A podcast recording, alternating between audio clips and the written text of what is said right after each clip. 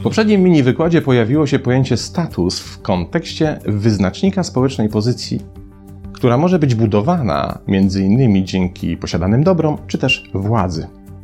Obydwa z tych dwóch elementów podnoszą nasz własny status w naszych własnych oczach i w naszym mniemaniu, również w oczach innych. Podniesienie zaś statusu pobudza nasz ośrodek nagrody, a to z kolei powoduje, że zwieńczone sukcesem starania w tym względzie kojarzą nam się z czymś bardzo przyjemnym i stanowią sporą motywację do działania. Jednak to, jak bardzo status jest dla nas ważny, widać nie po tym, ile energii wkładamy w próby jego podwyższenia, ale po tym, z jakimi psychologicznymi kosztami wiążemy jego utratę.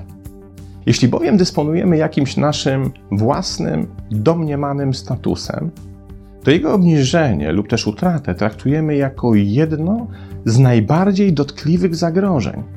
Nasza reakcja w takiej sytuacji, jak zwraca uwagę David Rock, może obejmować nawet doznania somatyczne, jak na przykład nagły wzrost kortyzolu we krwi i naenergetyzowanie układu limbicznego, a to z kolei będzie miało zasadniczy wpływ na naszą zdolność racjonalnego myślenia. Jeśli więc chcielibyśmy celowo wyprowadzić kogoś z równowagi, sprawić, by wzrosło jego poczucie zagrożenia i by zaczął się naprawdę bardzo źle czuć, wystarczy, że poddamy pod wątpliwość jego status lub też zagrozimy możliwością jego obniżenia. Pokażmy to na przykładzie. Pamiętam kiedyś pewnego jego mościa, z którym przyszło mi współpracować. Miał pewną katastrofalną cechę. Otóż po bliższym poznaniu okazywał się wyjątkowym moberem, istotą przesiąkniętą korporacyjnym złem, traktującą zarówno podwładnych, jak i własnych współpracowników jak śmieci. Jednak na zewnątrz, dla obcych, w tym kontrahentów firmy, stwarzał wrażenie znakomitego profesjonalisty, ciepłego, wyrozumiałego i cierpliwego menadżera. Dopiero po jakimś czasie odkryłem, co budziło jego największe przerażenie. Otóż nie to, że miało się inne zdanie, że nie chciało mu się podporządkować, czy wytykało mu się ewidentne błędy popełniane w zarządzaniu ludźmi. Jego największym demonem był strach przed tym, że ludzie spoza firmy mogliby się dowiedzieć, jaki jest naprawdę i jak daleko mu do ładnego obrazka, który z takim mozołem próbował budować. Dlaczego tak się bał, że prawda jego prawdziwej twarzy może wyjść na jaw? Bo wówczas straciłby na tym jego status, pozycja, którą przez lata zbudował wśród kontrahentów. A wizja utraty statusu była dla niego tak przerażająca, że na samą myśl o tym wydawało się, że odczuwa fizyczny wręcz ból. Inny przykład. Pewna znajoma, pracująca w jednym z miejskich urzędów, wyznała mi w sekrecie, że w jej urzędzie wszyscy urzędnicy, mimo oficjalnego obiegu dokumentów w formie elektronicznej, i tak kserują czy drukują wszelką dokumentację, skwapliwie ją kolekcjonując. Drukują nawet pojedyncze maile. Co z tego, że tekst wiadomości wraz z jego datą znajduje się w komputerowym archiwum? Jak i tak, oni wolą takiego maila wydrukować i na wszelki wypadek trzymać w odpowiedniej teczce. Wydaje to się absurdalne. Przecież mamy XXI wiek. Przecież szkoda ton papieru, na który idą tysiące wycinanych drzew. Szkoda też miejsca na archiwizację tych wszystkich zbędnych dokumentów, prawda? Jednak w perspektywie czyniących tak urzędników wygląda to zupełnie inaczej. Ich zdaniem elektronika, komputery, dyski archiwizacyjne mogą zawieść. Co zaś jest wydrukowane, to jest wieczne, a nuż się trzeba będzie kiedyś przed kimś wytłumaczyć, a nuż wykazać, że w konkretnej korespondencji podjęto konkretne ustalenia, a nuż ktoś się kiedyś ich czepi, sprawdzi, będzie szukał haka na nich czy dziury w całym. Wtedy, kiedy okaże się, że informatyczne dane zostały bezpowrotnie utracone, oni będą dysponowali odpowiednim papierowym dowodem na to, że prawda leży po ich stronie. Tutaj postawmy sobie pytanie: dlaczego tak skwapliwie kserują i drukują wszystko, co im wpadnie w ręce? Odpowiedź jest prosta. W obronie przed utratą statusu właśnie. Podobnie jak oni, wielu innych ludzi ze wszystkich swych sił będzie próbowało uniknąć wystawienia na szwank swojego statusu. A więc będą unikali wszelkimi dostępnymi metodami sytuacji, w której mogliby się poczuć zbyt niepewnie i jednocześnie również w konsekwencji tego samego mechanizmu będą unikali wszystkiego, co nowe. Bo za jakimkolwiek nowym kryje się niepewność, a za niepewnością obawa o utratę wypracowanego czy też zdobytego wcześniej statusu. I wiele ludzi żyje tak przez lata, w nieustannym poczuciu zagrożenia swego własnego statusu, starając się unikać jakichkolwiek sytuacji, w których mogliby popełnić najmniejszy błąd. Na początku wspomniałem, że jednymi ze sposobów podniesienia własnego statusu są zgromadzenie odpowiedniej ilości dóbr lub zdobycie jakiejś władzy. Na chwilę się przy tym zatrzymajmy i zwróćmy uwagę na szalenie istotny aspekt. Obydwa te wyróżniki są zależne od tego, w jaki sposób osoba oceniająca swój własny status i możliwości jego podniesienia jednocześnie porównuje się do innych. Podniesienie statusu poprzez zgromadzenie dóbr jest zależne nie od tego, ile uda ci się ich zgromadzić, tylko od tego, czy uda ci się ich zgromadzić więcej od innych, do których akurat się porównujesz. Jeśli jesteś członkiem, dajmy na to, gangu dosiadającego motorowery, to zakup roweru w tym środowisku dla podniesienia Twojego własnego statusu nie będzie miał znaczenia. Jeśli jednak z motoroweru przesiądziesz się na motocykl, nawet najmniejszej mocy, wówczas w tym środowisku Twój status wzrośnie i będziesz mógł nawet aspirować do gangu motocyklistów, porzucając tym samym gang motorowerzystów. W tym kolejnym środowisku również możesz podnieść swój status, ale musisz nabyć motocykl, co tu dużo mówić, lepszy, mocniejszy, nowszy i głośniejszy od innych.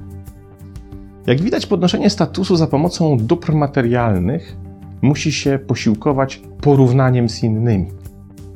Podobnie jest z podniesieniem statusu za pomocą władzy. Tu również jego skala zależna jest od tych, nad którymi będziesz miał władzę. Na drabinach stratyfikacyjnych, tych, których poziomy są definiowane statusem, zawsze znajduje się miejsce pod tobą i miejsce nad tobą. Zawsze są ci, którzy znajdują się niżej, i zawsze niestety znajdą się tacy, którzy będą wyżej. Ta zasada jest również niecnie wykorzystywana przez zręcznych manipulatorów. Wynika z niej bowiem sprytny i jednocześnie bardzo okropny mechanizm i sposób na podniesienie własnego statusu. Można to przecież zrobić, obniżając status innych, tych, którzy stanowią układ odniesienia.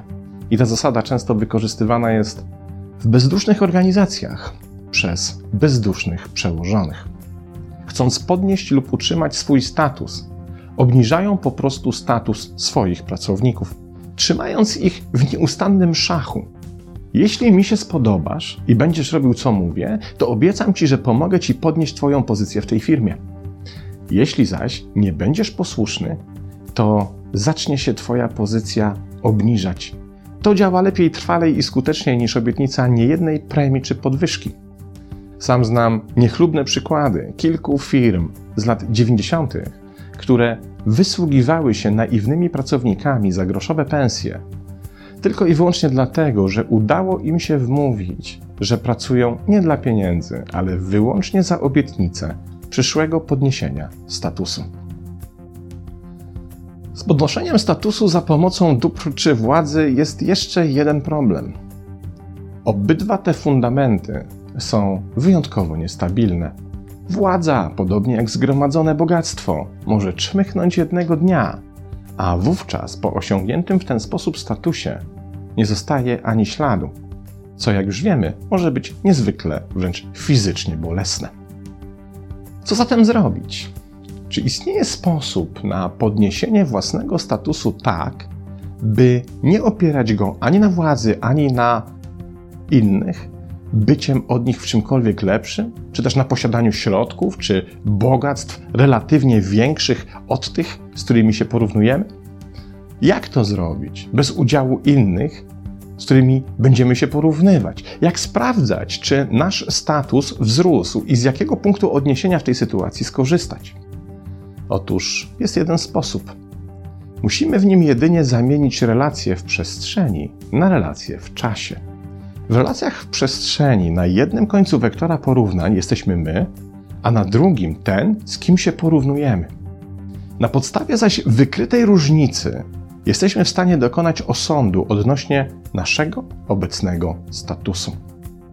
Gdybyśmy jednak zamienili relacyjny wektor przestrzeni na relacyjny wektor w czasie, to na jednym jego końcu jesteśmy dalej ci sami my. Jednak na drugim jego końcu możemy już, już miast innej osoby umieścić samych siebie, tylko z innego czasu. Jeśli zaś grot wektora zwrócę w przeszłość, to porównując siebie z samym sobą sprzed powiedzmy roku, mogę osądzić, czy stałem się w czymś lepszy, czy czegoś się nauczyłem, coś zdobyłem, coś osiągnąłem. I tutaj przedmiotem porównań można uczynić bardzo wiele obszarów. Może to być zarówno zdobyta wiedza, jak i majątek, umiejętności, jak i doświadczenie. W ten sposób, porównując obszar przeszły z obecnym, mogę się dowiedzieć, czy wzrósł mój osobisty status. Można to porównać do sportowca bijącego rekord bieżni, którego sam wcześniej był autorem. On po prostu usiłuje pobić samego siebie, bo porównuje się wyłącznie z sobą. A to porównanie daje mu bezcenną informację, czy stał się lepszy, a co za tym idzie, czy wzrósł jego status sportowca. Co więcej, mogę w tej idei obrócić mój wektor porównań w kierunku przyszłości i zaplanować w niej takiego siebie, który ma się stać w czymś lepszy od tego ja z dzisiaj. Mogę zaplanować dowolne działanie podnoszące mój własny status w porównaniu z samym sobą i sprawdzić, czy uda mi się osiągnąć to zamierzenie. To przednia zabawa, fascynująca podróż w kierunku własnego samorozwoju, a jednocześnie zabawa, która nikogo wokół nie krzywdzi. Nie próbuje umniejszać niczyjego statusu, by poczuć się zadowolonym z własnego. Nikogo nie traktuje ani lepiej, ani gorzej. Z nikim się nie rywalizuje wówczas, z nikim się nie ściga, bo jedyną osobą, którą wówczas stanowi podmiot Twojej rywalizacji, jesteś Ty sam. Tyle, że umieszczony w konkretnym momencie na osi czasu. A co najciekawsze w tej metodzie, okazuje się, że osiągnięty tą drogą wzrost statusu we własnych oczach stanowi tak samo przyjemną nagrodę dla naszego mózgu, jak świadomość, że nasz status wzrósł również w oczach innych. Kiedy zaś nasz własny wewnętrzny status będzie w ten sposób stale zwiększany, prędzej czy później inni, chcąc nie chcąc, również odnotują te zmiany. Pozdrawiam.